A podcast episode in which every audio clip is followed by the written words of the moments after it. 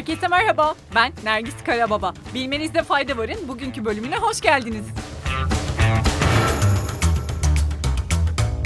TikTok'ta kendini ABD İç Güvenlik Bakanlığı ajanı olarak tanıtan adam 6 yıl hapis cezasına çarptırıldı.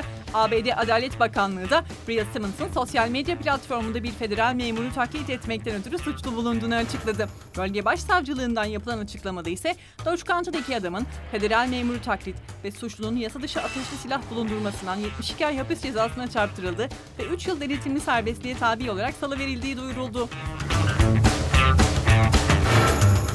ABD'de 82 milyon dozdan fazla Covid aşısı çöpe gitmiş. Hastalık Kontrol ve Önleme Merkezi olan CDC verilerine göre ABD Aralık 2020'den geçen ayın ortasına kadar tam 82 milyon 100 bin doz Covid aşısını çöpe attı. Kullanılmadan önce eczanelerde miyatlarının dolması, elektrik kesintileri, dondurucu depoların bozulması ve açılış iş günü sonunda kullanılmayan şişelerin atılması aşıların israf edilmesine yol açan çeşitli sebepler arasında. Bilim insanları hangi tür müziğin beyin performansını geliştirdiğini buldu. Japon bilim insanlarının yürüttüğü bir araştırmada groove müziği beynin performansını artırdığı keşfedildi. Zaman zaman groovy diye de anılan bu müzik tarzı genellikle dans müziğiyle eşleştirilse de aslında ritmik şarkıların çoğunu kapsıyor. 1960 ve 70'li yıllarda ABD'li genç dinleyicilerin ortaya attığı harika anlamına gelen bu niteleme dinleyicinin farkında olmadan ritim tuttuğu tüm hareketli şarkılar için kullanılabiliyor.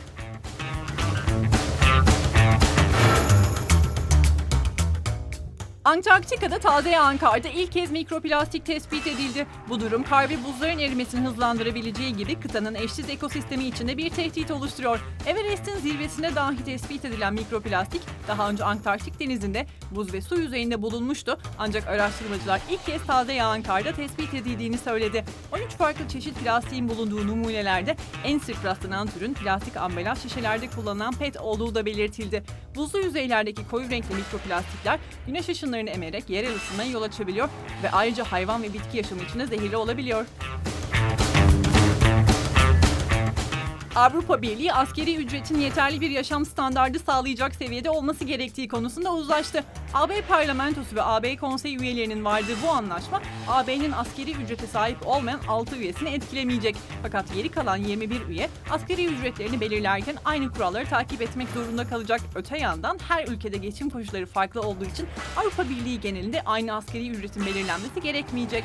Askeri ücret uygulaması olmayan ve maaşların toplu pazarlıklarla belirlendiği Danimarka ve İsveç bu karara karşı çıkacaklarını açıkladı. Japonya'nın sınırlı sayıda turisti ülkesine kabul edeceği haberini hatırlıyor musunuz?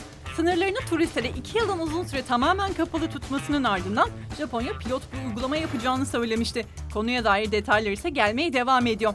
Japonya son olarak yalnızca belli ülkelerden gelen turistlerin maske takmaları ve şaperonla gezmeleri koşuluyla ülkeye girişlerine izin vereceğini açıkladı.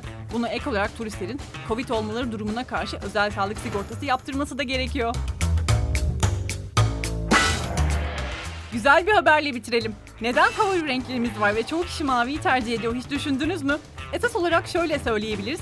Favori renklerimiz var çünkü favori şeylerimiz var. Ve mavi renk tercihi ilk yapılan renk araştırmalarından bu yana yani 19. yüzyıldan bu yana insanların en çok tercih ettiği renk. Çünkü bu renkle ilgili deneyimlerimizin çoğu olumlu. Düşündüğümüz zaman aklımıza deniz ya da berrak bir gökyüzü geliyor. Ve bunun yanı sıra çoğu insan için görsel uyum, zevk veren hisler ve genellikle pozitif çağrışım yaratan mavinin uyandırdığı kolay hisler daha çekici.